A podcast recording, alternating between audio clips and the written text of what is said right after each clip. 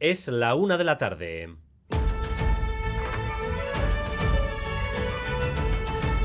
Crónica de Euskadi con Dani Álvarez.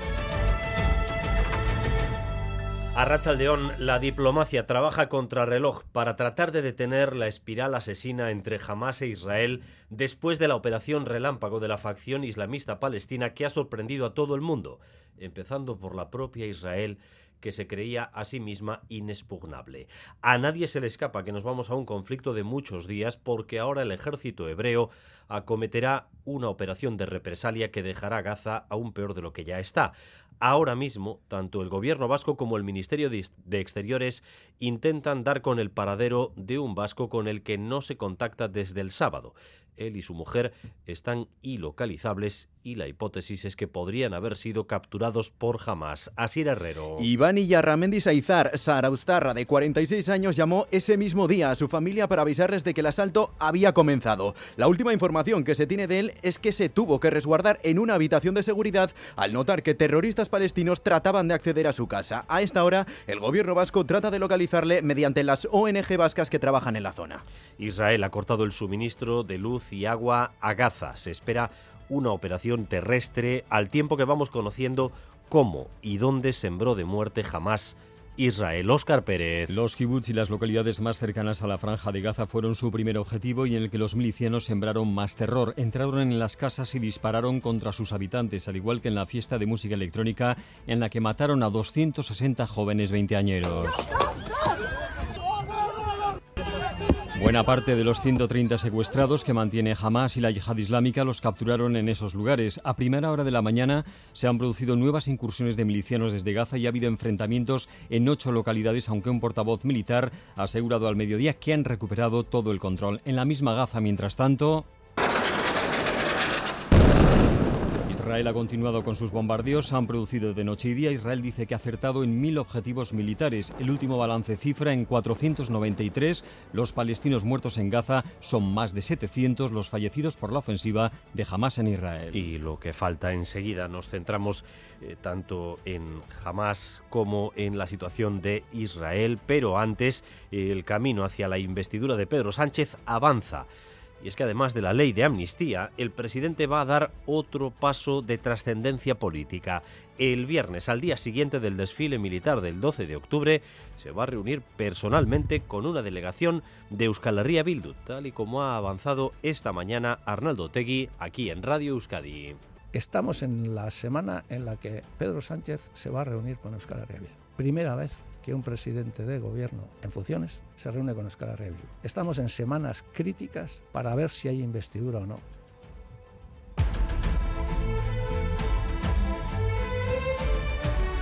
La muerte de un joven de 25 años en Vera, en Navarra, por un incendio tras la explosión de la batería de un dispositivo que se estaba cargando en su habitación, nos lleva hoy a revisar los malos hábitos que tenemos con tanta batería en nuestras casas.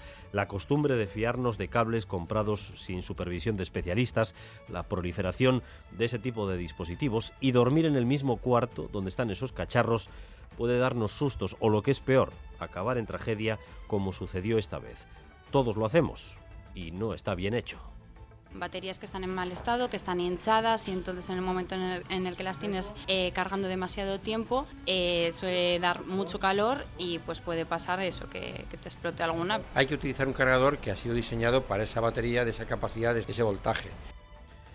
Confebasque festeja hoy su cuadragésimo aniversario y lo hace con una cita repleta de ilustres los que pusieron en marcha la patronal vasca, la ministra de Economía, el Lendakari o el rey Felipe VI arropan a los empresarios en un día en el que quieren reivindicar el valor de las empresas, especialmente aquí, según describen, en un entorno especialmente conflictivo el país con más huelgas, algo que han denunciado en sus discursos. Xavier Madariaga, adelante.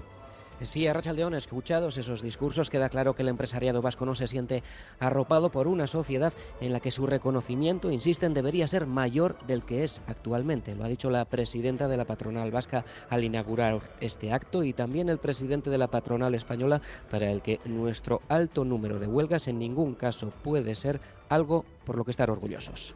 Es debido, Inés, pero no creo que sea de enorgullecerse, decir que estamos orgullosos por tener las mayores huelgas del Estado. Yo creo que eso no es, no es el futuro ni es lo que nosotros queremos. Este del Guggenheim es un acto con los pesos pesados de la economía y la política vasca, acto que en los próximos minutos se van a encargar de clausurar el Lendakari Urcullu y el rey Felipe VI. En Donostia ha comenzado una de las citas gastronómicas más importantes para el sector, el Congreso San Sebastián Gastronómica, un evento con algunos de los mejores cocineros del mundo en el Cursal.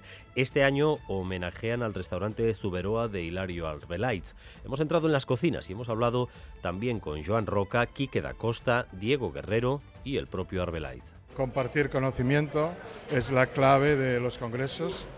Gastronómica es pionero y que se celebre un 25 aniversario quiere decir que se consolida y se proyecta al futuro. ¿no? Fue una oportunidad para contarnos, para representar nuestro territorio, o sea, contar, no esconder.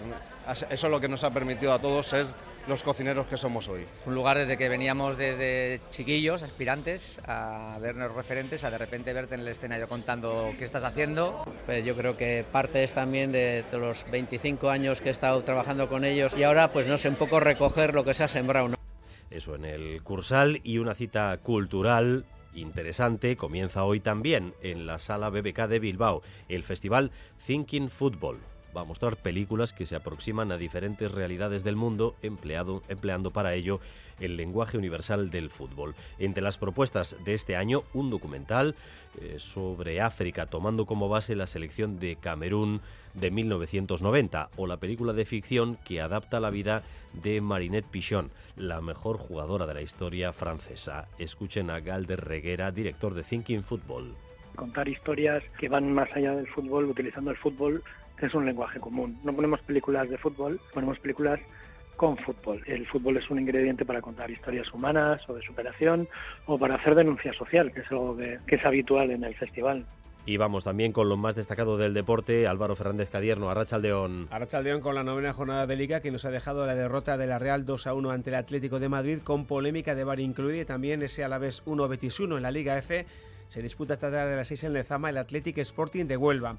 En baloncesto, victoria de Basconia en Granada y de Bilbao Basket en Miribilla frente al Murcia. Además, lo Guernica ha anunciado que no viaja a Israel, en donde el jueves tenía que eh, debutar en la Eurocup. Y en cesta tenemos las semifinales de la Final Four de Durango, con el Goico López Laduch Basque por un lado y el Erquiaga Gorka Johan Minville por otro. En cuanto al tiempo, otro día más de verano a 10 de octubre. Sol y cielos despejados con temperaturas que han bajado algo pero que pueden alcanzar de nuevo los 30 grados. De momento y subiendo 22 en Bilbao, Donostia o Bayona, 21 grados de temperatura en Pamplona, 20 en Vitoria-Gasteiz. Gracias un día más por elegir Radio Euskadi y Radio Vitoria para informarse. Raúl González y José Ignacio Revuelta se encargan de la dirección técnica y Asier Herrero de la coordinación.